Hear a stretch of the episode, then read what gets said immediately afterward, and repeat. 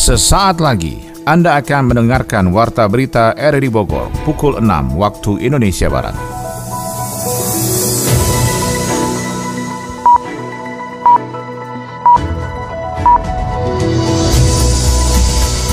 Selamat pagi dan salam jumpa. Kembali kami hadir dalam Warta Berita edisi hari ini, Rabu 24 Mei 2023. Siaran kami bisa Anda dengarkan lewat audio streaming di RRI Play dan bisa Anda dengarkan juga di audio on demand di Spotify, Anchor, Portal, dan Google Podcast. Berita utama pagi ini adalah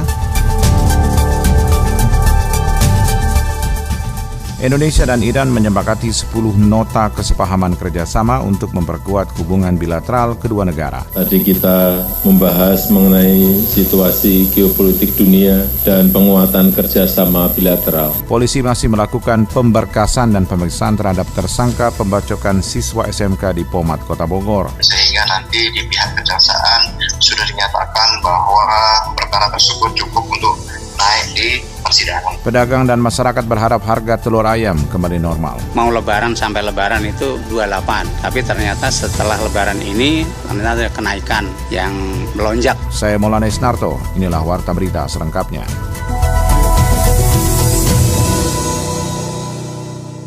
Indonesia dan Iran menyepakati 10 nota kesepahaman kerjasama untuk memperkuat hubungan bilateral kedua negara dalam agenda lawatan Presiden Iran Ibrahim Raisi ke Istana Bogor kemarin. Laporan ini disampaikan Adi Fajar Nugraha. Presiden Joko Widodo menerima kunjungan Presiden Iran Said Ibrahim Raisi di Istana Bogor pada Selasa pagi. Dalam pertemuan tersebut, kedua kepala negara itu menyaksikan penandatanganan 10 nota kesepahaman kerjasama dua negara. Presiden Jokowi secara khusus menyoroti tiga kerjasama bilateral dengan Iran, yakni tentang kesehatan, perekonomian, dan transportasi kereta api. Presiden mengatakan beberapa kerjasama dengan Iran, yakni proyek percobaan operasi jarak jauh menggunakan robot dan pelayanan kesehatan jarak jauh. Jokowi mencatat kolaborasi pelayanan telemedicine telah berjalan di 11 puskesmas. Selain itu, Presiden Jokowi bersama Presiden Ibrahim Raisi juga membahas terkait isu geopolitik dengan keberpihakan Indonesia untuk mendorong kemerdekaan Palestina serta mengatasi krisis kemanusiaan di Afghanistan. Tadi kita membahas mengenai situasi geopolitik dunia dan penguatan kerjasama bilateral. Kami sepakat untuk terus mendukung perjuangan rakyat Palestina dan mengatasi krisis kemanusiaan di Afghanistan dengan terus menyuarakan akses pendidikan bagi perempuan di Afghanistan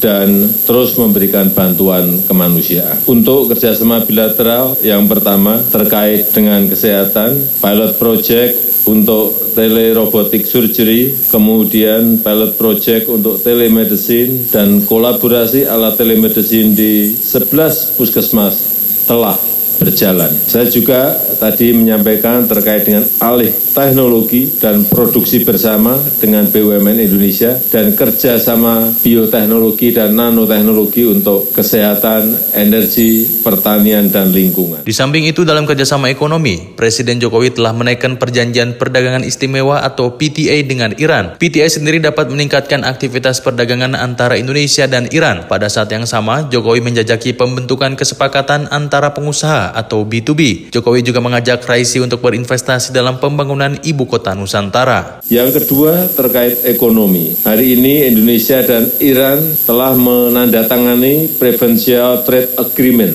PTA. Semoga dapat makin meningkatkan perdagangan Indonesia dan Iran. Saya dan Presiden Raisi juga menjajaki pembentukan kesepakatan B2B, kemudian investasi pembangunan ibu kota Nusantara dan solusi untuk investasi sektor migas. Terakhir terkait dengan teknologi sinyal perkereta apian, saya telah menyampaikan harapan untuk kerjasama riset bersama alih teknologi dan assembly. Presiden Iran Said Ibrahim Raisi menilai kerjasama yang dibentuk dengan Presiden Jokowi sangat baik khususnya di bidang energi, kesehatan, dan budaya. Menurutnya kerjasama yang dibentuk ini dapat meningkatkan hubungan antara Indonesia dan Iran. Adapun 10 nota kesepahaman yang ditandatangani kemarin ialah preferensi perdagangan, pemberantasan peredaran gelap narkotika, psikotropika dan persekusornya, iptek dan inovasi, jaminan produk halal, pengembangan sektor energi, regulasi produk farmasi, biologi, obat tradisional, kosmetik, dan pangan olahraga pengolahan, pembebasan visa bagi pemegang paspor diplomatik dan dinas, bantuan administrasi timbal balik di bidang kepabeanan, promosi perdagangan, serta program pertukaran kebudayaan. Polisi masih melakukan pemberkasan dan pemeriksaan terhadap tersangka pembacokan siswa SMK di Pomat Kota Bogor. Laporan Sony Agung Saputra. Proses hukum pembunuhan terhadap korban pelajar AS dari pelaku ASR alias Tukul terus dilakukan Satuan Reserse Kriminal Polresta Bogor Kota. Seperti diketahui, pelaku ASR alias Tukul merupakan anak berhadapan dengan hukum setelah melakukan aksi pembacokan pelajar berinisial AS saat berada di Simpang Pomat Kota Bogor. Tim Busar Polresta Bogor Kota menangkap Tukul saat berada di pelarian kawasan Yogyakarta. Kasat Reskrim Polresta Bogor Kota Kompol Rizka Fadila menjelaskan pihaknya masih melakukan pemeriksaan terhadap tersangka dan juga sejumlah saksi lainnya untuk membuat jelas peristiwa hukum tersebut. Pihaknya juga melakukan pemberkasan agar segera dilimpahkan ke jaksa penuntut umum di Kejaksaan Negeri Kota Bogor sehingga kasus tersebut siap untuk disidangkan dan pelaku bisa mempertanggungjawabkan perbuatannya. Untuk berkas perkara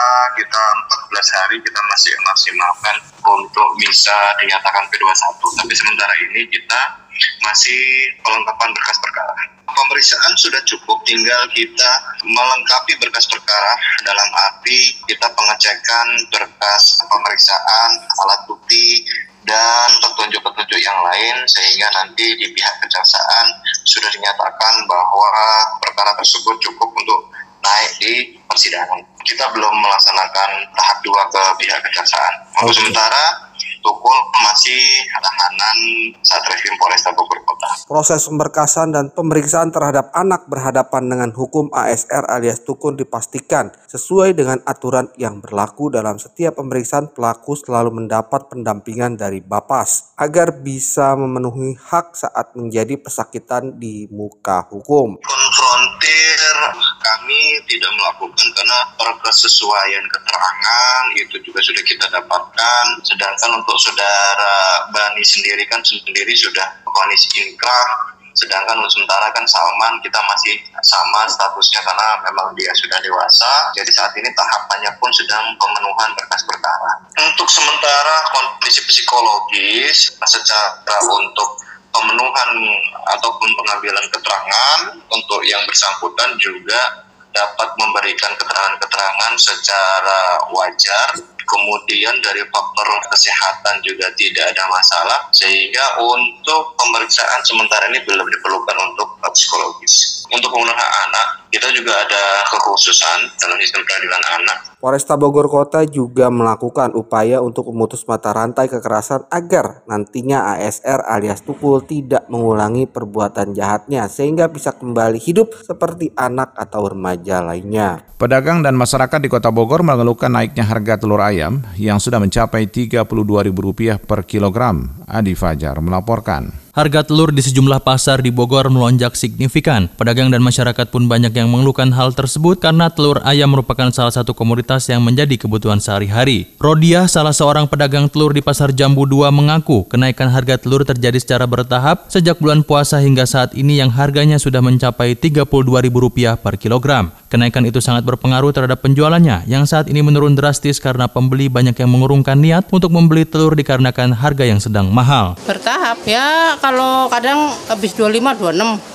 27 gitu 28 sampai sekarang 30 32 ya mengaruh lah sama konsumennya. Barang ngeluh paling cuma nanya doang berapa bu telur? Dikira ah enggak ah. Langsung mundur. Kata saya udah orang segitu dari sononya mau jual berapa? Nah kita kalau nggak ada petunjuk nggak mau mas.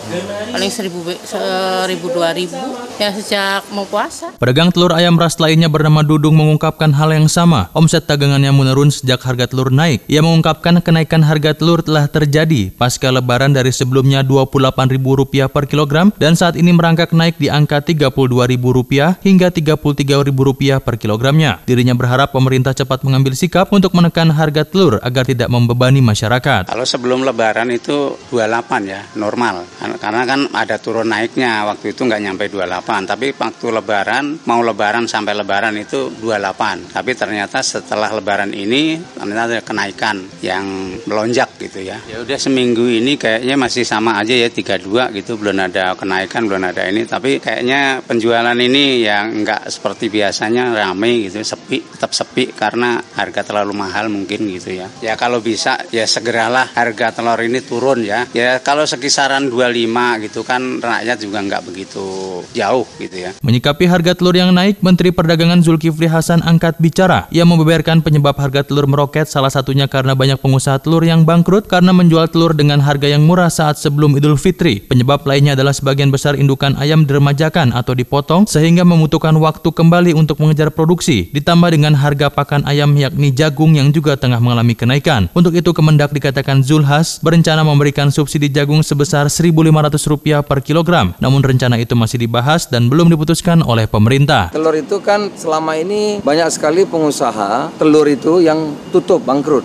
karena harganya terlalu murah. Bahkan mau lebaran aja 25 ribu, 26 ribu. Bangkrut orang. Karena dia harganya harus jualnya itu 28 ribu. Nah oleh karena itu sebagian itu induk-induknya itu diremajakan. Potong gitu dan perlu waktu ya satu. Kedua memang ada beberapa harga seperti jagung, terdengar pakan naik, tentu akan mempengaruhi. Nah oleh karena itu tentu harus diambil langkah-langkah. Pertama tentu produksinya ya, saya kira perlu sedikit. Sebentar lagi juga sudah mulai stabil. Kedua kita lagi diskusikan soal jagung. Kalau dulu jagung kalau sampai harganya mahal kan disubsidi pemerintah 1.500 per kilo. Cuman sekarang kalau andai kata itu nanti kita putuskan belum, ini lagi akan dibahas. Tapi yang disubsidi itu dari petani lokal, jangan sampai yang impor disubsidi gitu. Kemendak meyakini harga telur ayam yang meroket ini akan segera stabil saat produksi kembali normal dan harga pakan yang juga terjangkau. Karenanya pemerintah belum akan membuka opsi operasi pasar murah dalam waktu dekat sambil melihat perkembangan harga telur ayam di pasaran. Peternak ayam Bogor menyebut kenaikan harga telur saat ini disebabkan usia pergantian indukan serta langkanya pasokan di tingkat agen dan pengecer. Kondisi Kondisi itu diperparah wabah penyakit ngorok pada ayam. Laporan Yofri Haryadi. Kenaikan harga telur ayam negeri di pasaran, salah satu penyebabnya dikarenakan usia pergantian indukan ditambah langkanya pasokan di tingkat agen dan pengecer. Kondisi tersebut diungkapkan Syamsuddin, pemilik Syamjaya Farm di Desa Jampang, Kecamatan Kemang, Kabupaten Bogor. Beternak ayam petelur Leghorn atau ayam negeri ternyata memiliki banyak resiko, terutama dengan harga pakan yang selama ini untuk kelas peternak menengah masih sangat bergantung. Meski diakui harga pakan sangat relatif bagi sebagian peternak, namun yang memang banyak terjadi adalah pada siklus pergantian indukan yang diprediksi merata dirasakan para peternak kelas menengah. Ayam petelur itu siklusnya kan per 6 bulan sekali ganti indukannya. Ketika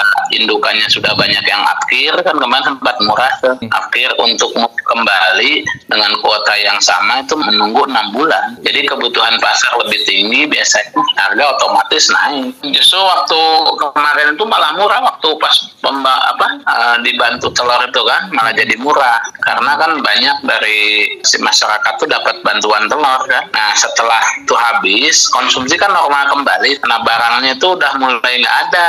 Lebih lanjut Samsudin mengungkapkan untuk menekan biaya produksi pada variasi pakan hanya akan efektif untuk peternakan ayam dengan skala produksi di atas 40.000 ekor. Sementara untuk ternak dengan skala ratusan hingga ribuan ekor mengantisipasinya dengan pemanfaatan grading pakan, dedak, atau bekatul. Faktor-faktor lain yang menyebabkan turunnya harga telur beberapa bulan lalu adalah bantuan pangan non-tunai yang diberikan pemerintah kepada keluarga penerima manfaat berupa telur ayam negeri. Di samping itu, faktor yang menyebabkan produksi telur menurun adalah wabah penyakit dengan istilah penyakit ngorok pada ayam. Kan kadang-kadang ada penyakit masa atau misalnya masa-masa sekarang kan ini lagi panas kan ya tiba-tiba ayamnya ngorok gitu ya. Ngorok itu produksi telur sedikit juga itu pengaruh. Untuk ayam koran tuh besar pengaruhnya. Di tingkat pedagang pengecer seperti di toko kelontong di Sinangsari Bogor Selatan harga telur yang dijual berkisar Rp33.000 per kilogramnya. Cliff salah seorang pedagang kelontong mengatakan konsumen mensiasatinya dengan membeli dalam satuan butiran atau kemasan yang lebih kecil seperempat kilogram dan dijual Rp8.700 harganya pagi hampir 30 kemarin. Iya 30 per kilo. Per petinya 4 setengah. Jadi harga konsumen berapa jual? 33 33 32 33 sebelum naik 26 lah paling. 27 gitu. Pernah. Tahun tahun lalu deh. Jadi kalau jual seperempat itu paling tinggi 8 setengah. Kapasitas produksi setiap peternakan berbeda, bahkan di lokasi dekat dengan peternakan ayam petelur, peternak menjualnya dengan harga 1.300 hingga 1.500 rupiah per butirnya. Siklus melonjaknya harga telur ayam negeri itu pun pernah terjadi pada tahun sebelumnya dan diprediksi berlangsung tiga bulan ke depan. Warga berharap harga telur kembali normal dan stok telur di pasaran juga tersedia. Berikut penuturan kepada RRI. gitu mah keberatan sekarang udah 31 31 setengah sekilo beli, beli paling buat berapa hari hmm, buat berapa hari pendapatan gedean pengeluaran daripada pendapatan. Ya pengennya ya diturunin harga-harga sembako ya kan? Kalau udah naik kan biasanya nggak turun-turun lagi. Lama turun kalau udah naik ayo aja di, di atas mau harganya. Nggak mau diturun-turunin lagi. Harga terus-terusan naik coba. Terus sekarang ganti duit 2000 mau sakit duit mah diganti-ganti. Itu itu juga dibelikannya mah. Benar oh, ya. kerasa banget. Kenanya telur kan beras juga naik semua. Pokoknya belanjaan semua. Ya harapannya mah kalau kita mah ya pengen stabil aja lah. Apalagi pensiun mah repot. Udah nggak naik gaji segitu-gitu juga. Yang usaha kan nggak ada kita. Bukan hanya telur. Semua naik. Ini mah beras, sayur, cabe. Sedangkan pendapatan kan dari mana coba? Apalagi pensiunan. Udah kacau kita sebelum lebaran saya beli itu harga masih normal ya. Setelah lebaran itu harga mulai naik. Tadinya 28.000 terus naik jadi 32. Nah, terus habis lebaran tuh dia turun. Turun jadi 29. Nah, terakhir lagi saya beli itu udah 32.000. Mending kalau agennya ada. Di agen juga nggak ada, tukang sayur juga nggak ada. Saya pusing nyari-nyari keliling-keliling itu nggak ada agen yang buka tukang telur itu karena orangnya lagi mudik katanya harganya. Coba harganya udah naik, tukang telurnya nggak ada. Sementara setiap hari anak saya maunya makan telur dan telur saja. Apalagi kan habis lebaran oh. mungkin pada bosan makan daging, makan ayam jadi maunya makan telur. Ternyata telurnya nggak ada. Saya harus bagaimana dong anak saya pengen makan telur. Ya mudah-mudahan sih pemerintah mendukung ya petani-petani telur itu tuh biar pemasukannya itu kasihan gitu. Kalau petani telur harganya murah belum hmm. lagi nanti tengkulaknya lebih murah lagi. Kalau didukung sama pemerintah pemerintah yang akomodir penyaluran telurnya atau untuk distribusi telurnya mudah-mudahan sih rakyat ya kayak kita nih rakyat biasa yang butuh telur setiap hari itu ketersediaannya selalu ada dengan harga yang sewajarnya tentunya. Tunggu mas Paket yang mana ya? Oh, skincare. Dua paket lagi kapan nyampe ya? Halo Din, sepatu diskon nih, buy one get one loh. Beli gak? Ih, baru beli bulan kemarin. Tapi mayan sih ya, bayar satu dapat dua sepatu. Cus deh. Ibu kos ngechat lagi. Bayar kos bulan ini jangan telat ya Din. Aduh, mana uangnya udah dipakai buat liburan. Hidup itu murah, gaya hidup itu yang mahal. Pilihannya, kita yang mengendalikan uang atau uang akan mengendalikan kita. Peringatan Hari Kebangkitan Nasional ke-115 tingkat Kota Bogor digelar di alun-alun kawasan Jalan Dewi Sartika dipimpin Wali Kota Bogor. Sony Agung melaporkan. Peringatan Hari Kebangkitan Nasional ke-115 tingkat Kota Bogor berlangsung di alun-alun di kawasan Jalan Dewi Sartika dipimpin oleh Wali Kota Bogor Bima Arya. Dalam kesempatan tersebut Bima Arya mengungkapkan Hari Kebangkitan Nasional ini adalah upaya pendiri bangsa untuk mempersatukan negara Indonesia dalam bingkai Bhinneka Tunggal Ika dan Pancasila. Ia juga menambahkan bahwa Hari Kebangkitan Nasional ini juga menjadi momentum untuk menggerakkan produk lokal. Untuk itu pihaknya mengapresiasi kinerja ASN Pemkot Bogor yang setiap hari Selasa menggunakan produk lokal sebagai tanda kecintaan terhadap barang asli karya anak bangsa.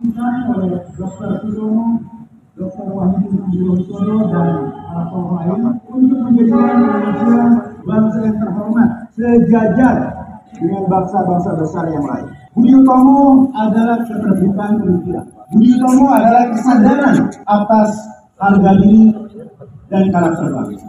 Hari ini bangsa Indonesia memiliki karakter yang besar untuk bisa sejajar di bangsa-bangsa lain. Di momentum Hari Kebangkitan Nasional ini, izinkan saya menyampaikan terima kasih dan apresiasi untuk seluruh ASN yang setiap hari Selasa telah setia menggunakan pakaian produk lokal dari ujung kepala sampai ujung kaki. Sementara itu salah seorang pengurus DPD KNPI Kota Bogor, Mardesa Etnosia, sependapat dengan Wali Kota Bogor untuk menggerakkan produk lokal dalam kehidupan sehari-hari. Ia mengajak seluruh anak muda di Kota Bogor menjadi garda terdepan dalam menciptakan inovasi dan kreasi produk lokal Bogor agar berjaya pada tingkat nasional maupun internasional. Juga bisa harus bisa bisa menjadi mesin penggerak ya untuk bisa mendorong ekonomi-ekonomi kreatif. KNPI tentunya bisa bisa ikut serta.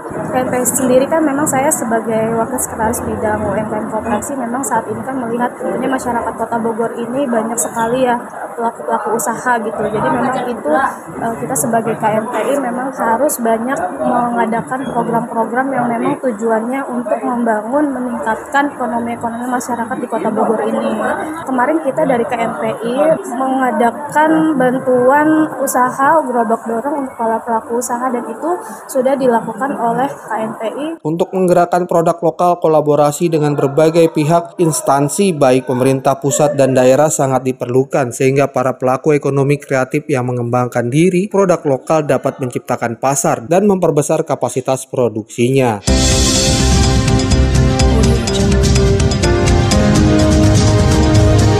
Anda tengah mendengarkan Warta Berita RRI Bogor. Kini kami sampaikan info ekonomi soal anggaran pendapatan dan belanja negara APBN Indonesia kembali mencatatkan surplus per April 2023. Pendapatan domestik bruto Indonesia ditargetkan menjadi terbesar kelima di dunia pada 2045. Selengkapnya disampaikan Adi Fajar Nugraha. Menteri Keuangan Sri Mulyani melaporkan anggaran pendapatan dan belanja negara atau APBN kembali mencatatkan surplus per April 2023 besarannya 234,7 triliun rupiah atau 1,12 persen terhadap produk domestik bruto atau PDB. Surplus APBN ini berarti pendapatan atau penerimaan lebih besar dibanding belanja pemerintah. Keseimbangan primer juga tercatat surplus sebesar 374,3 triliun rupiah. Pendapatan negara sampai akhir April 2023 mencapai 1.000,5 triliun rupiah atau tumbuh sebesar 17,3 persen dibandingkan periode yang sama di tahun lalu. Pendapatan itu berasal dari pajak, bea dan cukai, serta penerimaan negara bukan pajak atau PNBP. Sedangkan belanja negara yang telah dihabiskan sebesar 765,8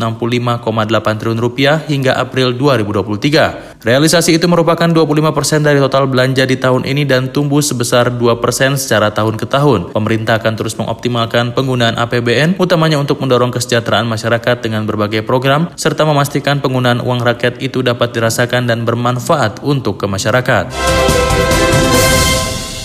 Menteri Perencanaan Pembangunan Nasional atau Kepala Bappenas Suharso Monoarfa mengatakan pendapatan domestik bruto atau PDB Indonesia ditargetkan menjadi terbesar kelima di dunia pada tahun 2045. Kondisi itu, kata Suharso, ditargetkan tercapai dalam transaksi ekonomi yang akan membawa Indonesia keluar dari middle income trap pada tahun 2045. Ia menargetkan pendapatan domestik bruto bisa mencapai 9,8 triliun US dollar. Sementara saat ini berada di kisaran 1,5 triliun US dollar. Dalam paparannya, Suharso mengatakan pendapatan nasional bruto bruto per kapita Indonesia ditargetkan mencapai 30.300 US dollar dan middle income class mencapai 80% pada tahun 2045. Kemudian Suharso mengatakan pertumbuhan industri manufaktur harus di atas pertumbuhan ekonomi. Misalnya pertumbuhan ekonomi 7%, maka pertumbuhan industri manufaktur harus sebesar 9 hingga 10%. Sementara untuk kemiskinan, Suharso menyebut tingkat kemiskinan ditargetkan turun ke 6,57% hingga 7,5% pada tahun 2025. Kemudian turun kembali menjadi 0,05% hingga hingga 0,08 persen pada tahun 2045.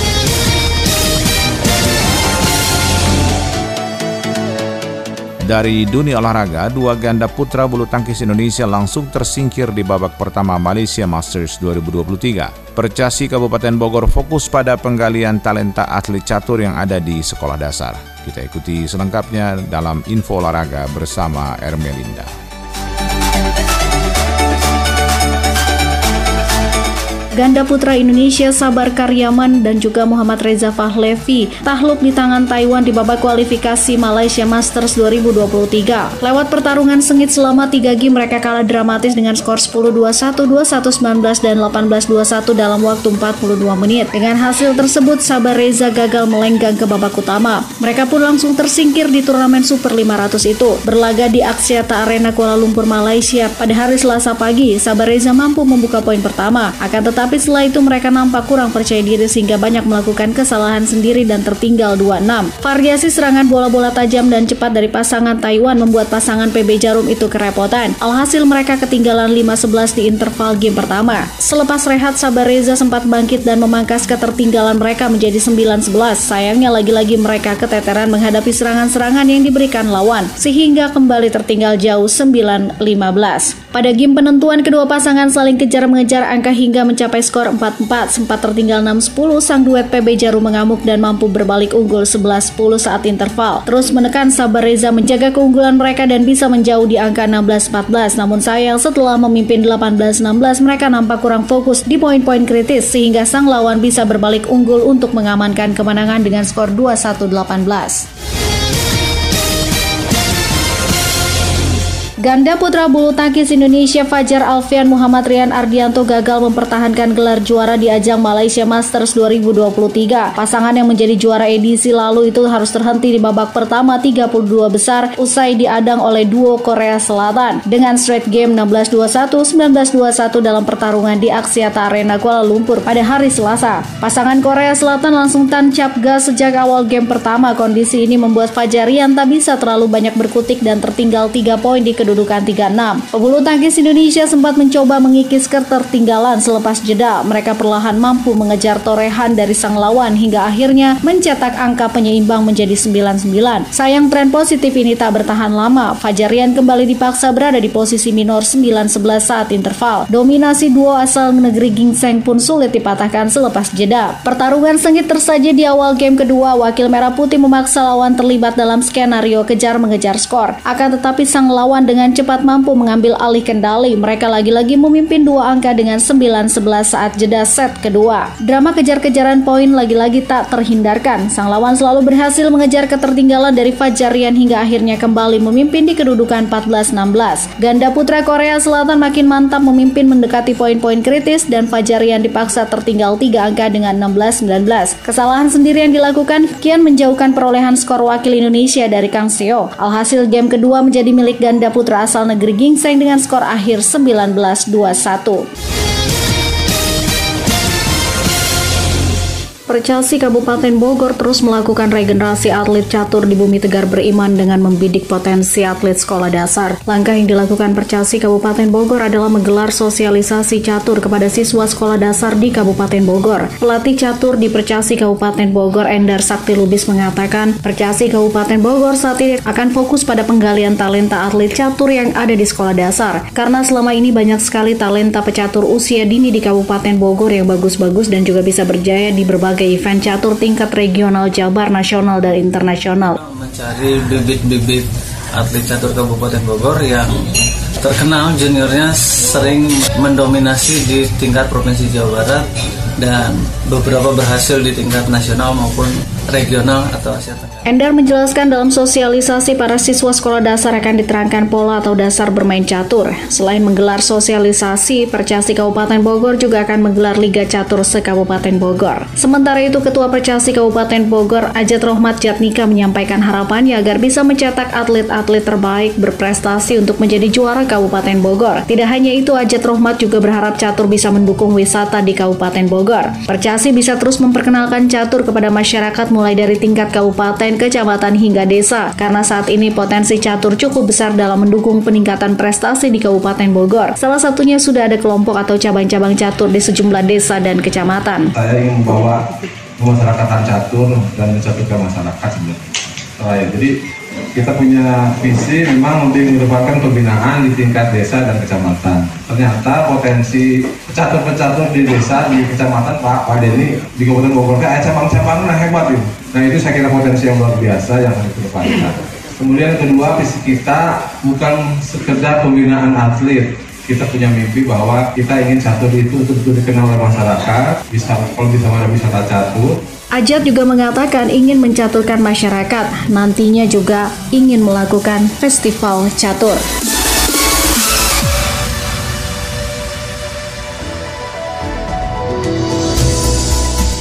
Demikian rangkaian informasi yang kami hadirkan dalam Warta Berita di edisi hari ini. Sebelum berpisah, kami kembali sampaikan berita utama. Indonesia dan Iran menyepakati 10 nota kesepahaman kerjasama untuk memperkuat hubungan bilateral kedua negara. Polisi masih melakukan pemberkasan dan pemeriksaan terhadap tersangka pembacokan siswa SMK di Pomat, Kota Bogor. Pedagang dan masyarakat berharap harga telur ayam kembali normal.